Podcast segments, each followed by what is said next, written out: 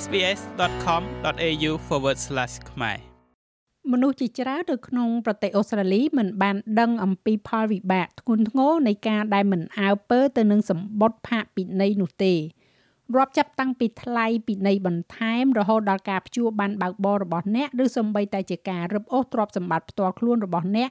ផលប៉ះពាល់គឺអាចថាធ្ងន់ធ្ងរ ផ្ទុយទៅវិញការចាត់សកម្មភាពទាន់ពេលវេលានិងការឈោងទៅរកជំនួយបើចាំបាច់នឹងជួយសង្គ្រោះអ្នកចេញពីបញ្ហានិងថ្លៃចំណាយដែលមិនចាំបាច់ការផាកពិន័យត្រូវបានគេស្គាល់ថាជាសម្បត្តិផាកពិន័យឬក៏ជាការជូនដំណឹងអំពីការបំពៀបំពៀនដែលគឺជាការដាក់ទណ្ឌកម្មចំពោះការបំពៀនច្បាប់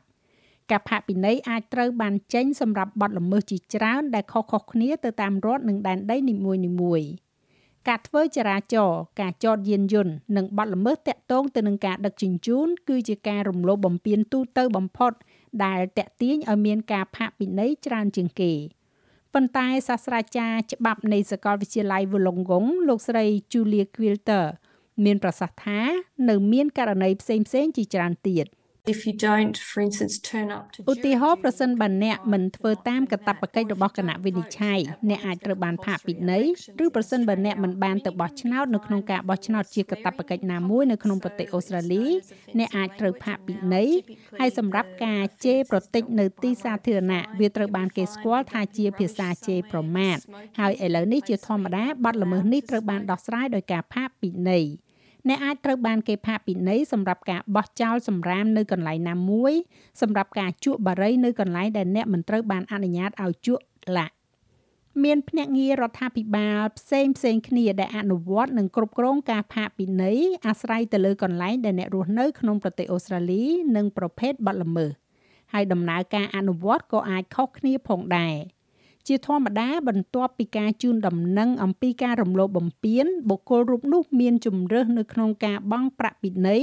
ឬក៏ជំទាស់ដោយស្វែងរកការពិនិត្យសាររើឡើងវិញពីភ្នាក់ងារដែលពាក់ព័ន្ធឬក៏ដោយការតវ៉ានៅក្នុងតុលាការប៉ុន្តែលោកស្រីបណ្ឌិត Quilter មានប្រសាសន៍ថាមនុស្សភាគច្រើនគួរតែពិចារណាស្ថានភាពរបស់ពួកគេឲ្យបានល្អិតល្អន់មុននឹងសម្រេចចិត្តឡើងតុលាការ។ fine is actually a criminal offence ការផាកពិន័យគឺជាបទល្មើសព្រហ្មទណ្ឌដូច្នេះហើយប្រសិនបើអ្នកបង់វាវាមិនជាប់នៅក្នុងកំណត់ត្រារបស់អ្នកទេប៉ុន្តែប្រសិនបើអ្នកជ្រើសរើសដោះស្រាយរឿងនោះនៅក្នុងតុលាការហើយវាត្រូវបានតម្កល់ទុក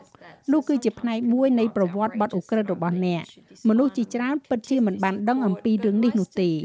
ដូច្នេះពេលខ្លះអ្នកត្រូវគិតថា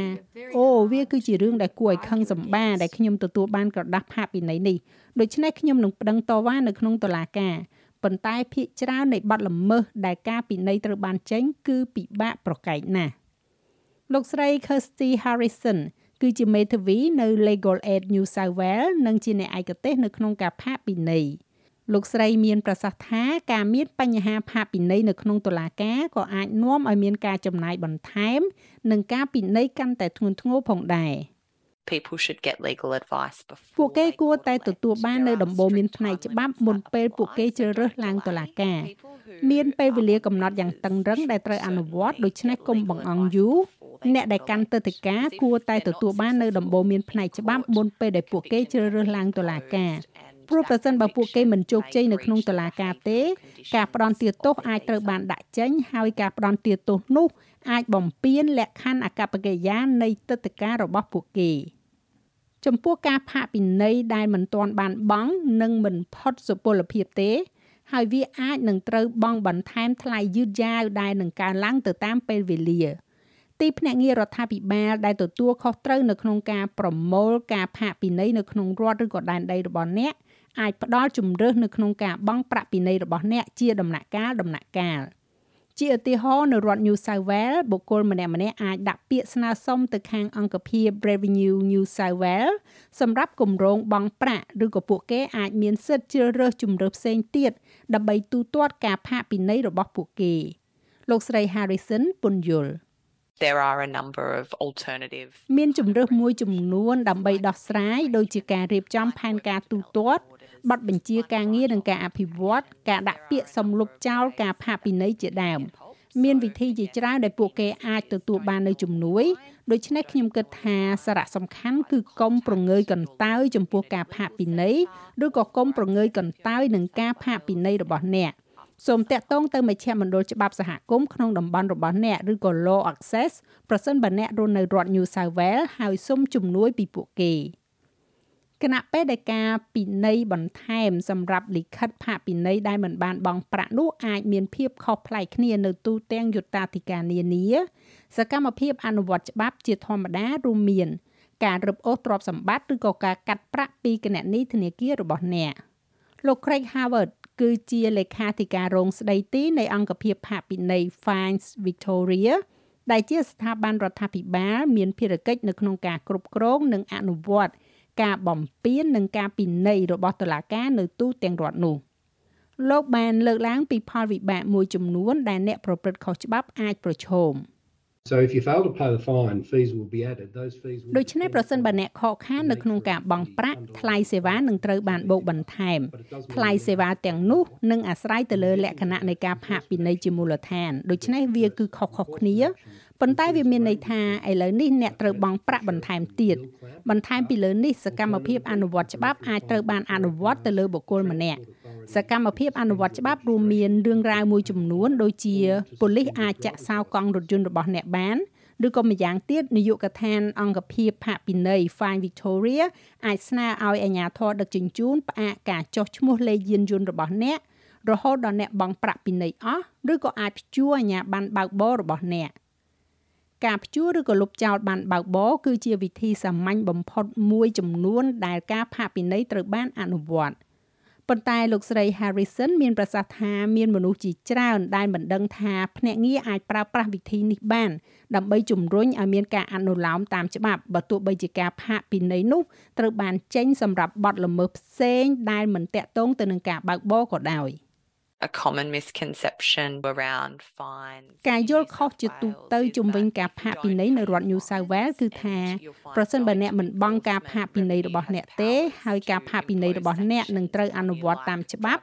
Revenue New South Wales មានអំណាចនៅក្នុងការដាក់ទណ្ឌកម្មលើអ្នកដូចជាការដាក់ទណ្ឌកម្មទៅលើបានបើកបរការគ្រប់គ្រងគណនីធនាគាររបស់អ្នកវាអាចកើតឡើងចំពោះការផាកពិន័យគ្រប់ប្រភេទ ដូច្នេះអ្នកអាចនឹងត្រូវពិន័យចំពោះការមិនទៅបោះឆ្នោតហើយបន្ទាប់មក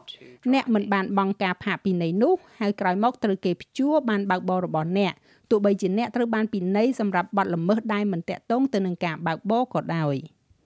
ផលប៉ះពាល់នៃការផាកពិន័យដែលមិនបានបង់គឺមានសារៈសំខាន់ជាពិសេសសម្រាប់យុវជនវ័យក្មេងដោយសារតែពួកគេប្រហែលជាមិនអាចដាក់ពាក្យសំបានបើកបរ L ឬក៏ចូលរៀនវគ្គបើកបរបាន។ ផលប៉ះពាល់អាចពង្រីកដល់ក្រុមគ្រួសាររបស់ពួកគេផងដែរដោយដែលបណ្ឌិត Quilter ពន្យល់ In Australia the fine system នៅក្នុងប្រទេសអូស្ត្រាលីប្រព័ន្ធផាកពិន័យគឺបែបថាអ្នកណាម្នាក់ក៏អាចទូទាត់ការផាកពិន័យរបស់អ្នកផ្សេងបានដែរឧទាហរណ៍តកតងទៅនឹងមនុស្សវ័យក្មេងវាអាចថាជាឪពុកម្ដាយណាម្នាក់ទទួលខុសត្រូវនៅក្នុងការបង់ប្រាក់ពិន័យនោះសម្រាប់បុគ្គលនោះជាការពិតណាស់នេះមានឥទ្ធិពលលំបាកយ៉ាងពិតប្រាកដដល់បុគ្គលវ័យក្មេងនោះដែលមិនរស់នៅក្នុងស្ថានភាពដែលការផាកពិន័យអាចត្រូវបានបង់ដោយស្រួលស្រួលពីសំណាក់ឪពុកម្ដាយចំណែកឯសម្រាប់ក្រុមគ្រួសារដែលមានស្ថានភាពប្រសើរជាងនេះអាចថាជាអ្វីមួយដែលពួកគេត្រៀមរួចជាស្រេចដូច្នេះវាពិតជាមានឥទ្ធិពលមិនសមាមាត្រគ្នានោះទេពេលវេលាគឺសំខាន់ណាស់នៅពេលដែលអ្នកកំពុងដោះស្រាយជាមួយនឹងការផាកពិន័យ លោក Howard និយាយថានៅរដ្ឋ Victoria វាគឺជារឿងចាំបាច់នៅក្នុងការចាត់វិធានការយ៉ាងឆាប់រហ័សដើម្បីកែប្រែការផាកពិន័យដែលមិនត្រឹមត្រូវចំពោះអ្នក when you receive for example a traffic camera file ឧទាហរណ៍នៅពេលដែលអ្នកទទួលបាននៅការផាកពិន័យពីកាមេរ៉ាចរាចរណ៍ហើយប្រសិនបើអ្នកមិនមែនជាអ្នកដែលបើកបរនៅថ្ងៃដែលព្រឹត្តិការណ៍នេះបានកើតឡើងទេហើយអ្នកចង់តែងតាំងអ្នកបើកបរម្នាក់អ្នកមានពេល28ថ្ងៃដើម្បីតែងតាំងបុគ្គលនោះ ប្រសិនបើការតែងតាំងនោះត្រូវបានទទួលយកដោយភ្នាក់ងារអនុវត្តច្បាប់ការផាកពិន័យនឹងត្រូវលុបចោលហើយចេញជាថ្មីក្នុងនាមបុគ្គលដែលអ្នកបានតែងតាំងនោះគឺជាជំហានដំបូងដ៏សំខាន់បំផុតដែលត្រូវអនុវត្តក្នុងរយៈពេលដ៏ខ្លី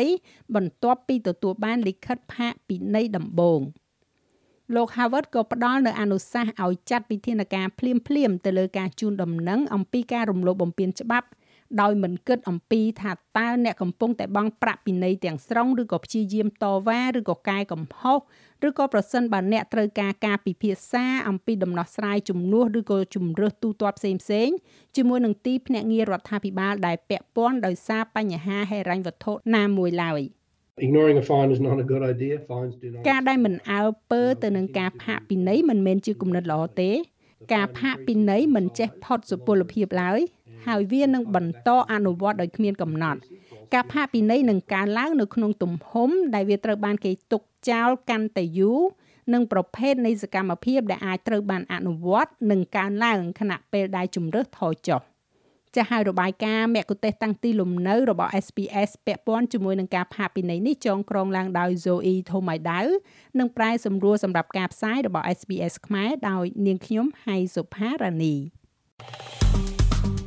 ចុច like share comment និង follow SPS ខ្មែរនៅលើ Facebook